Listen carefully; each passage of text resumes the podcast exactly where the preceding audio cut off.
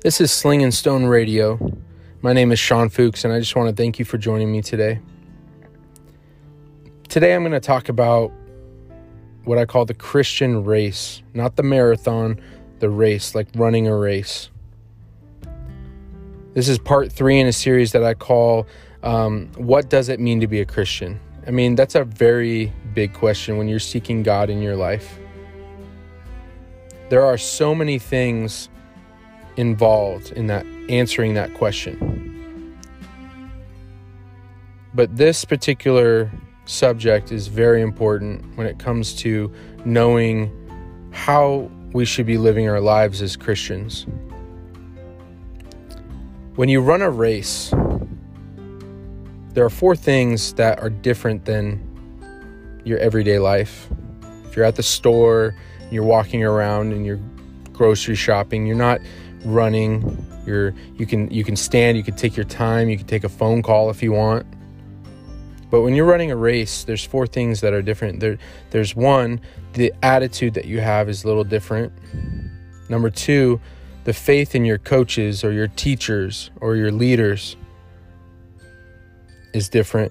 Your endurance Number three, endurance is different. Number four, your urgency is different. Heavenly Father God, thank you so much for this time. Thank you, God, for this opportunity to speak about you. And I pray, Father, that you would take this time and bless the words that I that I speak out of my mouth. Father God, I pray that you would take this moment and be glorified by it. Help me, Father, to remember that all of this is about you. It has nothing to do with me it is for your glory. So, God, I pray that you would, anybody who is listening to these words and is moved by them, Father, that you would work in their lives, that any seeds that are planted, that you help them grow. Father God, ultimately, I pray that this ministry would grow. And I pray, Father, for our country. And I pray, Father, that this movement in, in, in the church would continue to grow. This, this stirring of our, of our souls, of our spirits, would continue and be strong. I pray, Father, that our church would be on fire for you, Father. And Father, I pray these in the name of Jesus Christ. Amen. So, talking about a race, our attitudes, our faith, our endurance and our urgency are apparent. The apostle Paul was near death when he spoke in 2 Timothy chapter 4 verse 7. He knew it to be true. And it wasn't like he was sick. It wasn't like he had cancer and they had given him a year to live. He knew in his heart he was close to death because back then being a Christian wasn't the popular thing. The Apostle Paul knew that he was going to be persecuted and he felt it in his heart. But when he wrote to Timothy, in 2 Timothy chapter 4 verse 7 he said, "I have fought the good fight. I have finished the race. I have kept the faith." He also said while writing to the the Corinthians, another time. This is a different time. 1 Corinthians chapter 9 verse 24. When he's referring to a race, this is what he's talking about. Paul says to the Corinthians, "Do you not know that in a race all the runners they run, but only one receives the prize? Run in such a way as to take the prize." That's what Paul says to the Corinthians. You run, run as if there's a prize at the end. That's how we should be. So when we think about a race, the first thing, the first the first idea when running a race is your attitude. As Pastor Todd White says, he says it so well, I don't get an attitude, I get gratitude. See, the winner of a race, never his attitude is gratitude. The runners who win the race never have excuses. You would never hear the winner of a race saying, It's so hard to run in the rain. It's too cold. The other runner, he made a mean face at me. No, a winning attitude is one of gratitude. Winning runners are grateful for the challenge, the opportunity to grow, and they focus only on the prize at the end. The second subject when running when running a race the second point here is faith in our coach or our teacher or our leaders. When you're a runner when you're an athlete you have coaches. You have leaders. You have teachers. You train and you train and you train. Well as a christian we have the best teacher of all and our training is dependent on that trainer, that teacher, or coach. As a Christian, we have the best teacher, the Holy Spirit. Galatians chapter 5 verse 5, one of my favorite verses in the entire Bible. Says, "For through the Spirit we eagerly await by faith the righteousness for which we hope." When we are running as Christians in this race,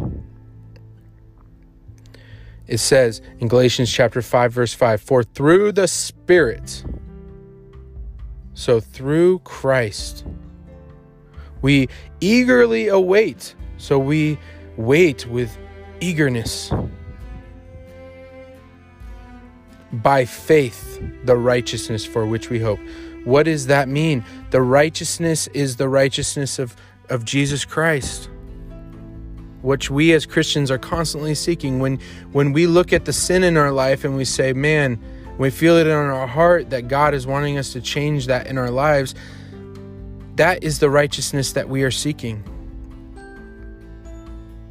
Notice that it doesn't say that through the Spirit we receive immediately by faith the righteousness for we hope.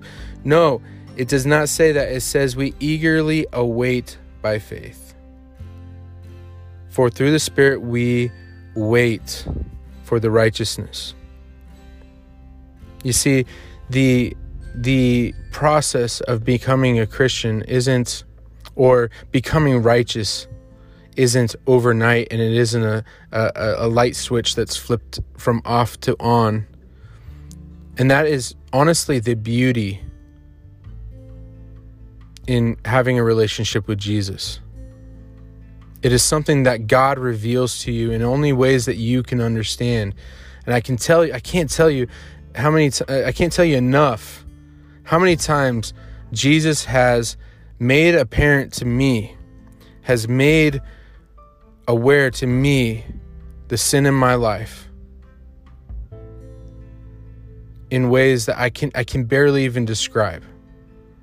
I can't even understand how it came to be.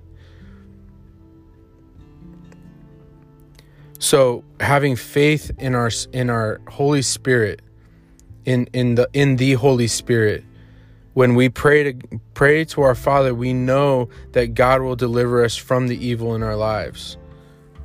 And having faith in that teacher, and and part of that is obeying that teacher our teacher, our helper, and the Holy Spirit.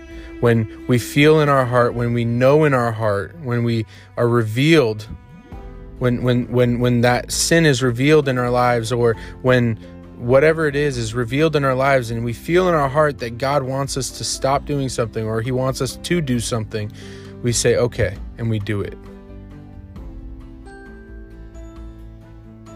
The third point in the Christian race, the race of of of the Christian is determination or endurance.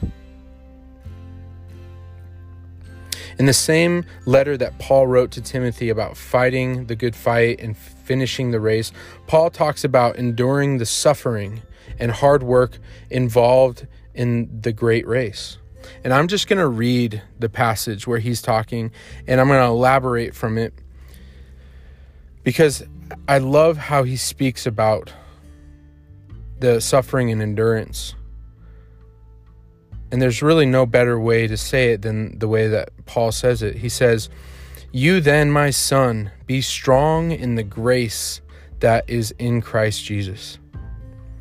And the things you have heard me say in the presence of many witnesses, entrust to reliable people who will also be qualified to teach others. Join with me in suffering like a good soldier of Jesus Christ. No one serving as a soldier gets entangled in civilian affairs, but rather tries to please his commanding officer. Similarly, anyone who competes as an athlete does not receive the victor's crown except by competing according to the rules. The hardworking farmer should be the first to receive a share of the crops. Reflect on what I'm saying, for the Lord will give you insight into this.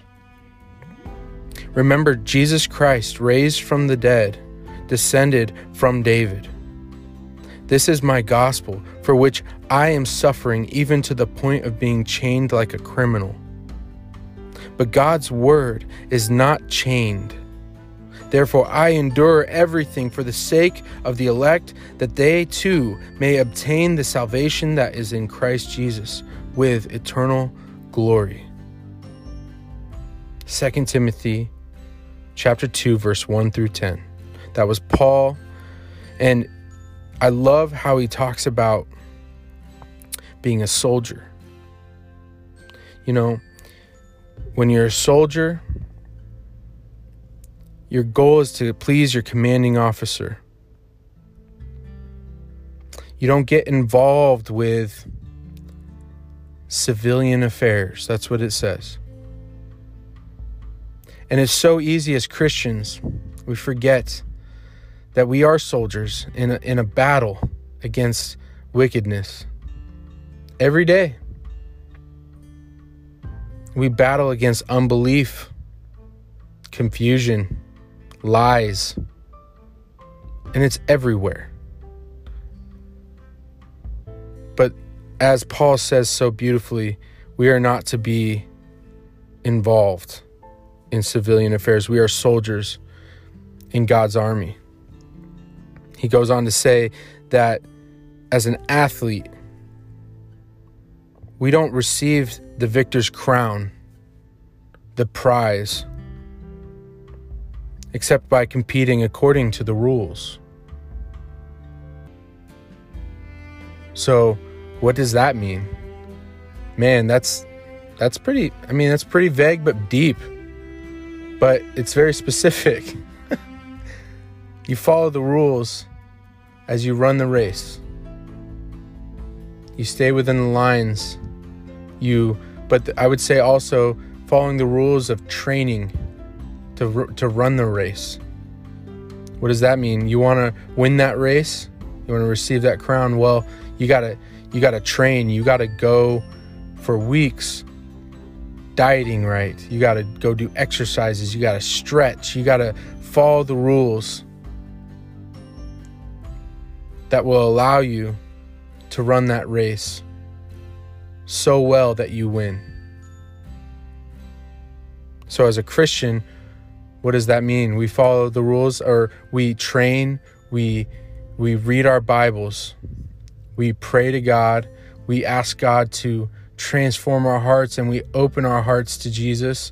And as we are as we are opening our hearts to Jesus, he is molding our hearts through obedience through the Holy Spirit.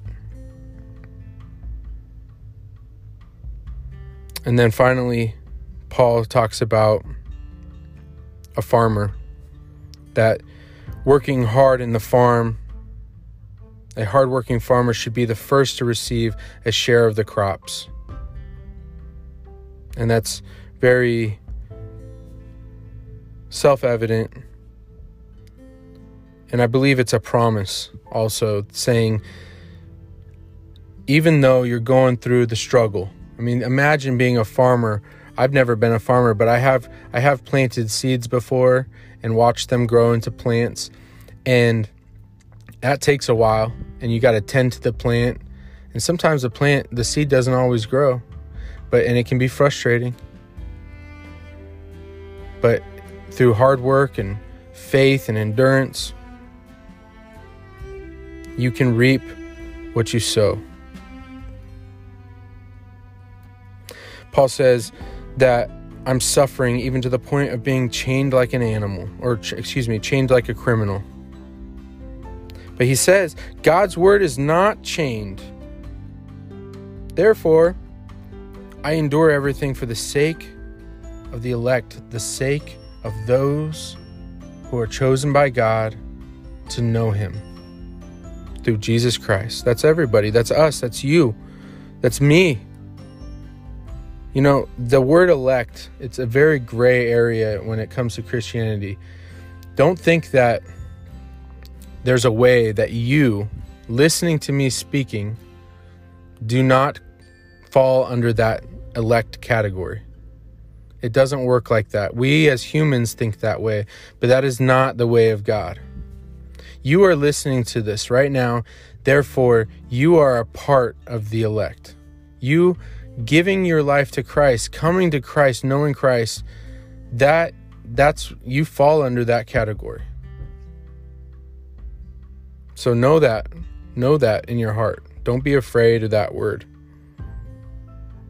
But he says, so that they may too obtain the salvation that is in Christ Jesus with eternal glory. The last point when it comes to running a race is urgency.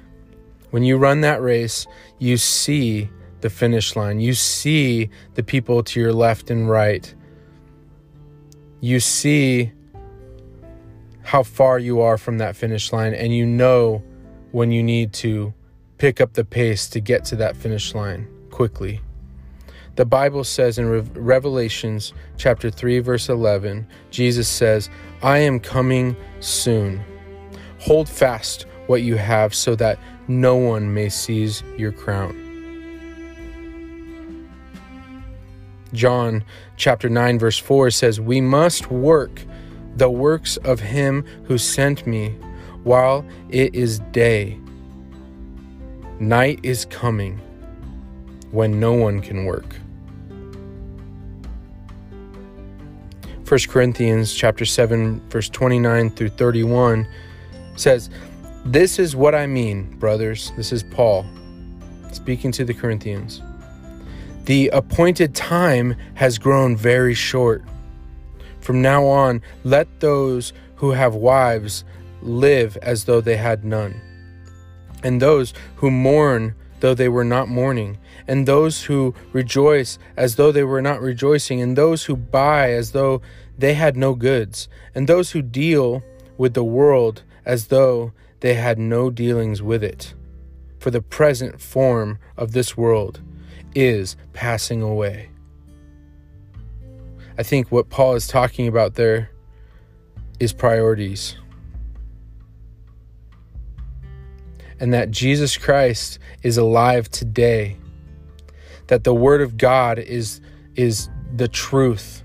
That it is inspired word from God for us to pay attention to and take seriously. You know, it is such a horrible thing when to witness death in this world because it's so unnatural. And we miss those who, who leave us. But the truth is, what bothers us so much about death, I think, is the fact that we know it's going to come to us. And we have no idea when it's going to be here. Recently, Kobe Bryant passed away, and it was a huge story, and, and it was such a sad story. And the truth, though, is that people are dying every day. And death should never be taken lightly or viewed as, as something that's it's it's it's a very real reminder that I bet you I bet you anything that when Kobe Bryant woke up that morning, the thought and the idea of death coming to him that day never occurred to him. He was probably thinking about basketball. He was thinking about his daughter, his other children, his wife. He was thinking about um, what investments he might make in in some charities, and and uh, he he might have been thinking about going to certain schools and speaking, and he probably had a whole book of plans and things that he wanted to accomplish that day and the the following week.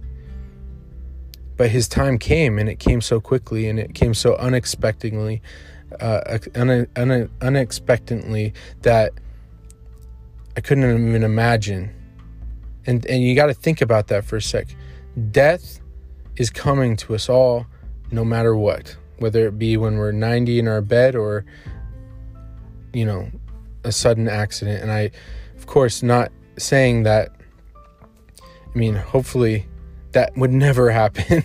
but the truth is, is that it does. So that alone should put a sense of urgency on your heart. But not just for yourself, but for those around you.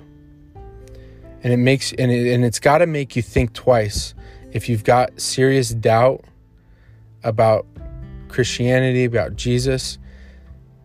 Are you sure are you sure about what you're believing or choosing not to believe? Because